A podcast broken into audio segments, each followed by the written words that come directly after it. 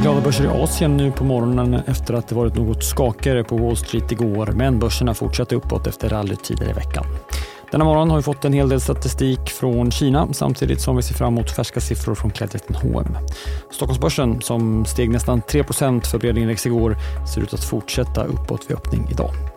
Det är fredag den 15 december. Det är endast nio handelsdagar kvar av året. Det här är din Morgonkoll. Jag heter Alexander Klar. I Asien fortsätter börsfesten som drog igång tidigare i veckan hos den amerikanska centralbanken. Hongkongbörsen har allra roligast och stiger över 2% medan börsen i Fastlandskina vänt ner efter att ha varit upp tidigare idag. Samtidigt har det kommit en del statistik från landets myndigheter. Detaljhandeln växer, men inte lika snabbt som väntat. I november steg försäljningen med 10% Samtidigt fortsätter landets bostadspriser nedåt. Priset på nya bostäder backade i 59 av 70 kinesiska städer och nedgången för november är den femte månaden i rad med fallande priser. Och på andrahandsmarknaden backade också priserna brett. Landets centralbank vill få fart på ekonomin och har meddelat att man skjuter till drygt 1,1 miljarder kronor i stödlån. Och vi ser en hel del fastighetsbolag som lyfter på detta. I Japan lyfter också börsen drygt en halv procent. Riktigt så högt nådde inte Wall Street igår. Det var faktiskt lite svajigt under kvällen men börserna stängde till slut upp.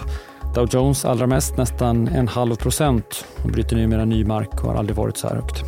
Småbolagsindex, Russell 2000, steg också igår och stängde, för den som vill notera, på just det, 2000.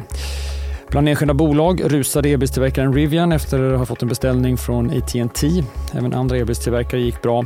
Och inom fordonssegmentet så meddelar General Motors hur stort varslet blir sen man valt att avsluta att utveckla självkörande bilar.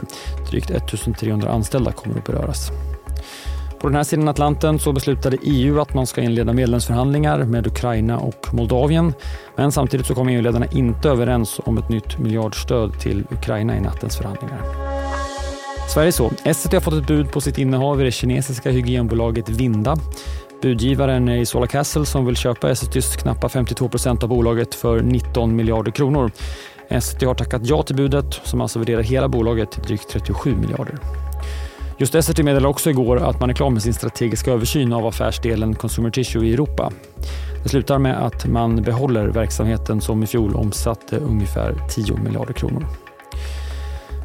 Teleoperatören Millicom, mest verksam i Centralamerika, men listat här, höjer sitt kassaflödesmål och inleder samtidigt ett nytt aktieåterköpsprogram.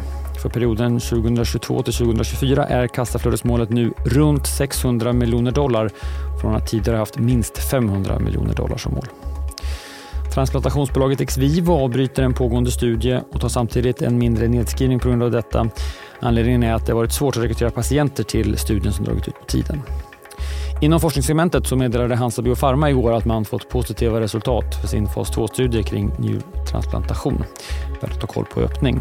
Idag ser vi annars fram emot försäljningssiffror från Hennes Mauritz. De kommer klockan åtta och väntas visa på en försäljningsminskning med knappt 4% för perioden september, oktober och november. När bolaget släppte kvartalssiffror senast så sa man att september börjat bra. Och tidigare i veckan så kom också H&M-konkurrenten Inditex med kvartalsrapport som visade på att försäljningen ökade med 14% i november och början av december. Det kommer också en kvartalsrapport under morgonen, men från IT och medicinteknikbolaget Sectra. Bolagets vd Torbjörn Kronander är med i Börsmorgon som i övrigt bjuder på lax och en del matspaningar. Titta live på programmet på sajten från kvart till nio eller lyssna senare som podd när vi släpper avsnittet under förmiddagen. Din Morgonkoll är tillbaka igen på måndag. Tills dess, ha en fin helg. Jag heter Alexander Klar.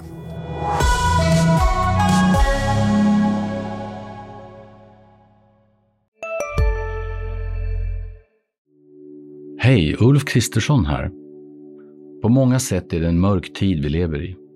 Men nu tar vi ett stort steg för att göra Sverige till en tryggare och säkrare plats. Sverige är nu medlem i Nato. En för alla, alla för en. Där det finns ett samhälle, där finns det brott. Krimrummet är podden som tar brottsligheten på allvar. Jag bjuder in landets ledande experter och tar upp aktuella rättegångsfall för att begripliggöra den kriminalitet som kryper allt närmare. Du, alltså, du kan knäcka ett eller några gäng, men det kommer komma nya och så kan vi knäcka dem sen. Men att du ska knäcka allt forever, det kommer aldrig ske. Det är infinite gain. Lyssna på Krimrummet, en podd från Expressen med mig Kim Malmgren.